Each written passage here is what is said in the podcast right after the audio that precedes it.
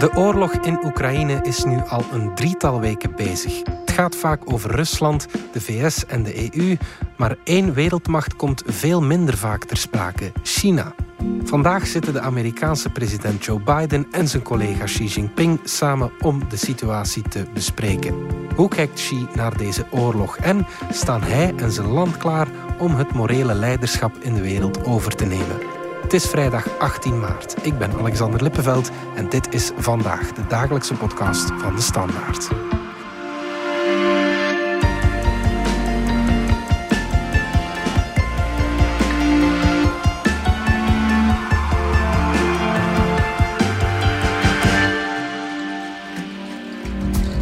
Giselle Nat van onze buitenlandredactie. Hoe stelt China zich op tegenover de oorlog in Oekraïne?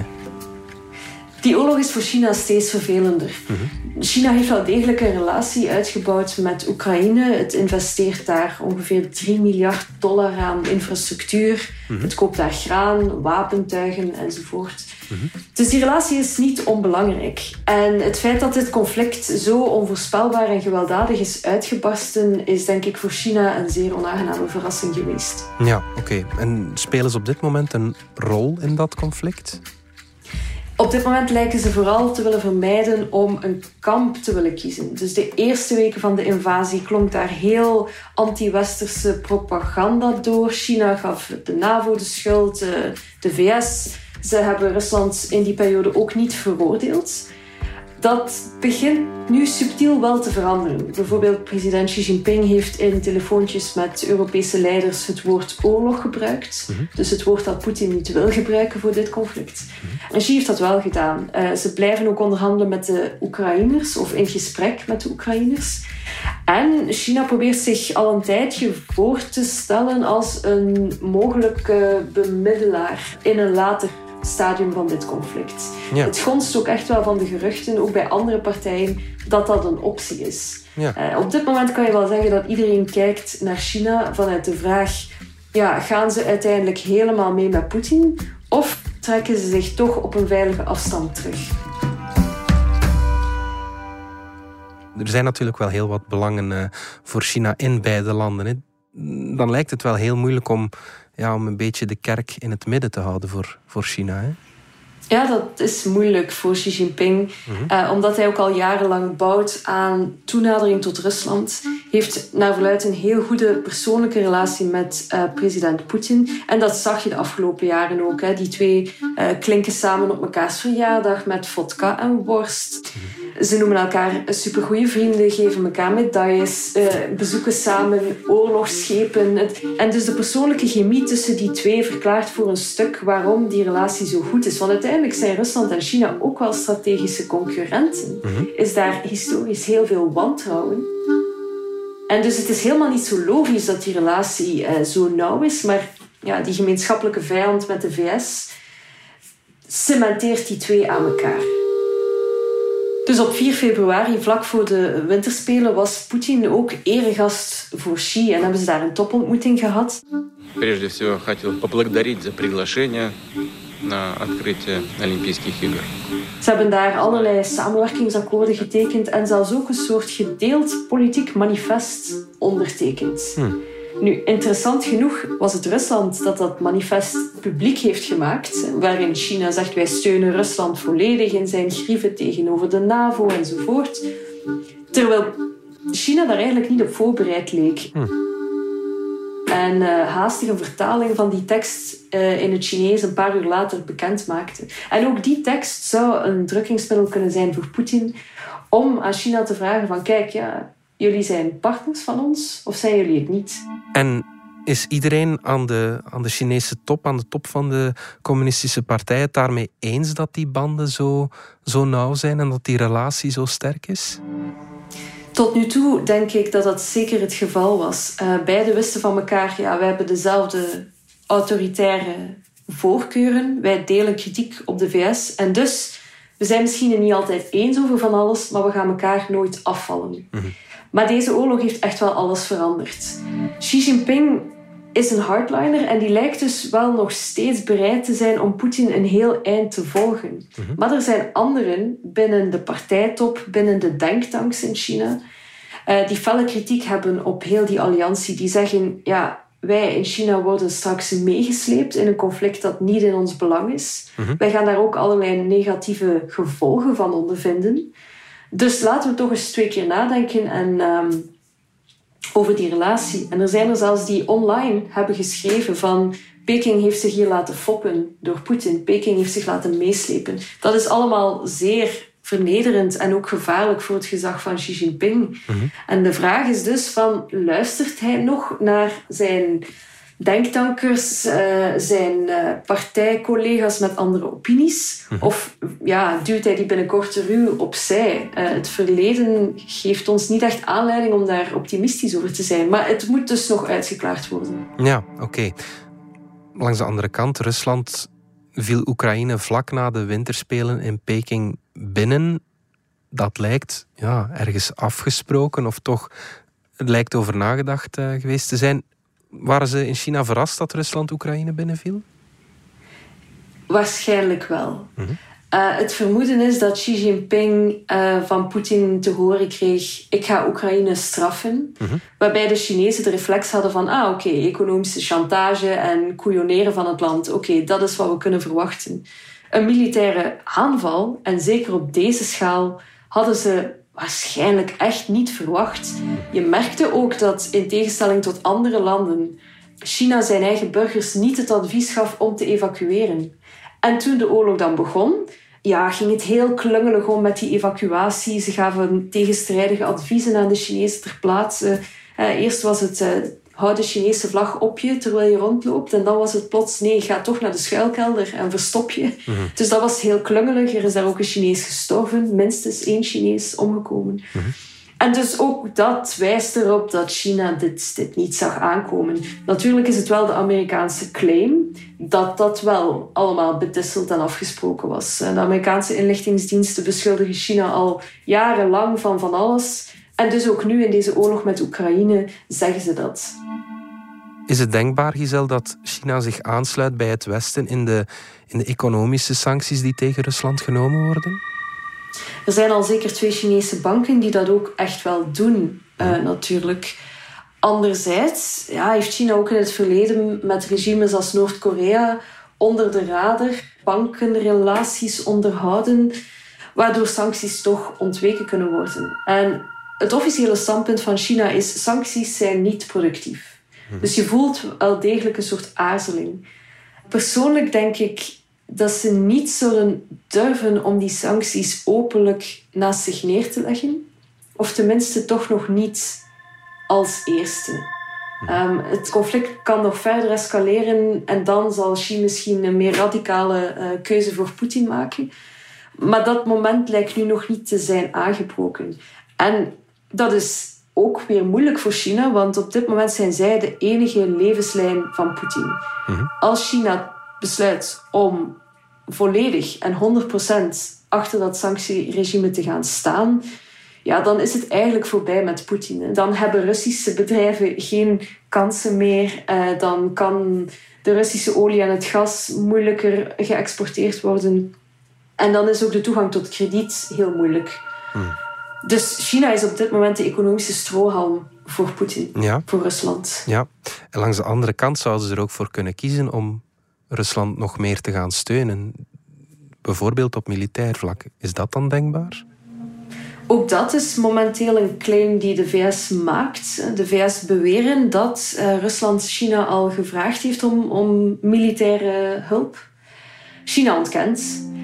Traditioneel is China geen land dat legers uitstuurt of zelfs actief heel veel wapens gaat verkopen. Integendeel, uh, China uh, haalt wapens bij zowel Rusland als Oekraïne om zijn eigen uh, leger te moderniseren. Want ook al heeft China op papier een heel sterk leger, in de praktijk valt dat toch wel een beetje tegen qua materiaal en training en dergelijke meer. Met andere woorden, ze zitten ergens toch wel in een sleutelrol. Hè? Ja, ze zitten gevrongen en ze zitten effectief in die sleutelrol, omdat alle landen ook wel naar hen kijken. Oekraïne kijkt naar hen. Ja. Rus Rusland zet China op dit moment achter de schermen waarschijnlijk heel erg hard onder druk van hey, je hebt ons een partnerschap zonder grenzen beloofd, op papier zelfs. ja, maak het nu eens waar. Tegelijk zijn er ook heel wat andere landen op het wereldtoneel die rijkhalsend uitkijken van wat gaat China nu doen. Eh, de minister van Buitenlandse Zaken van Singapore zei deze week nog van we verwachten of hopen dat China zijn diplomatieke, discrete stijl met Chinese karakteristieken zal toepassen in dit conflict. Dus je voelt heel veel verwachtingen. Um, en dit is voor China een moeilijk, moeilijk moment. Wel, dat was mijn volgende vraag. Zitten ze graag in die positie waar ze nu in zitten? Qua timing is dit een nachtmerrie voor Xi, want zijn goede vriend Poetin zorgt voor een enorme geopolitieke crisis net in het jaar dat hij Xi zijn derde termijn wil veroveren. Ja. En dus ja, voor de, de Chinezen die, die heel erg van stabiliteit houden, is dit een ramp. Vandaag wordt er ook gemeld vanuit eh, de Internationale Federatie van de Banken dat er heel wat kapitaalsvlucht is vanuit China, omdat beleggers in het Westen China en Rusland al als één geheel zien en dus zoiets hebben van oei, daar willen we ons uit terugtrekken, want dit komt niet goed met die sancties enzovoort. Dus China bloedt nu al voor een stuk. En het drijft de spanningen op intern. Mhm. Het feit dat zo denktankers naar buiten komen en durven zeggen van ja, um, Peking heeft zich laten foppen, dat is enorm. Dat vraagt enorm veel moed. Maar we horen ook via Japanse kranten bijvoorbeeld dat de haviken de strenge nationalisten rondom Xi Jinping, dat die zoiets hebben van, ja, zelfs als we nu alles zouden doen wat de VS vraagt van ons in dit conflict, dan nog zouden de VS ons aanvallen, ons regime willen veranderen. En dus moeten wij nu wel het kamp van Poetin kiezen. Ja. En als die logica overheerst, ja, dan zitten we in een heel gevaarlijk geopolitiek spel. Graag even uw aandacht voor het volgende. Nu oorlog terug is in Europa, is betrouwbare journalistiek van nog groter belang. De waarheid is het eerste slachtoffer. Volg in onze app, onze krant, onze video's en podcasts op de voet wat aan het front gebeurt via onze journalisten en fotografen in Oekraïne en aan de Poolse grens. Samen bieden zij u een helder perspectief in de mist van de oorlog. Start vandaag nog met lezen. Bekijk onze abonnementsformules op standaard.be/abonneer. China zit zelf natuurlijk ook met een, ja, een, een conflict dat al jarenlang aan het etteren is. Taiwan. Leren ze nu ook wat het Westen zal doen als China ooit Taiwan zou binnenvallen? Ja, ongetwijfeld kijken ze heel goed uh, hoe hard die sancties snijpen, wie uh, het Westen bijspringt. Dat is ongetwijfeld wel een leertraject. Maar ik denk niet dat dat de bepalende factor is in de Chinese plannen met Taiwan, die overigens totaal onbekend zijn. Hè. Het leger en misschien zeven top-Chinezen weten eh, wat daarmee de bedoeling is en, en niemand anders. Hmm. De, maar de Chinese aanpak um, staat nog altijd open voor geduld. Hmm. Als ze zullen kunnen vermijden om Taiwan militair in te nemen en als ze in plaats daarvan de druk via verkiezingen, via economische chantage als ze het zo kunnen, eh, de druk op Taiwan verhogen, zullen ze daar in de eerste instantie voor kiezen. En pas als dat allemaal niks oplevert, dan denk ik dat een invasie ja, realistisch wordt. Maar je mag natuurlijk nooit de rol van de VS uh, eh, negeren in dat verhaal. Want de VS hebben gezegd van kijk, Taiwan moet autonoom blijven. Mhm. Wij willen dat ook verdedigen. Dat zijn de politieke uitspraken. China wordt daar altijd enorm opgejaagd en angstig en agressief van. Tegelijkertijd heeft president Biden nog altijd geen wetten in voegen gestemd waardoor Amerika wettelijk verplicht is om Taiwan bij te springen. Okay. Dus in hoeverre zal de VS daar olie op het vuur gooien? Dat is ook een belangrijke vraag. Als je kijkt naar wat in Oekraïne is gebeurd, dan zie je daar heel duidelijk ja, het aanhalen van Oekraïne, beloftes maken over toetreding tot de NAVO, tot Europa. En dan als puntje bij paaltje komt, ja, is NAVO-lidmaatschap uiteraard uitgesloten. En, en zegt de NAVO zelfs, wij komen niet tussen in dit conflict. Mm, mm. Dus ja, de rol van de VS is daar heel belangrijk in. Mm. Alle blikken in het Westen zijn gericht op dat conflict in Oekraïne en op Rusland natuurlijk. President Biden die noemt het een strijd tussen democratie en autocratie. In the battle between democracy and autocracies, democracies are rising to the moment. And the world is clearly choosing the side of peace and security. This is the real test. And it's going to take time. Ja, Giselle, verzwakt ons dat niet dat we nu alleen maar naar daar kijken? Is het ergens geen kans voor China om de macht over te nemen en de morele wereldleider te worden?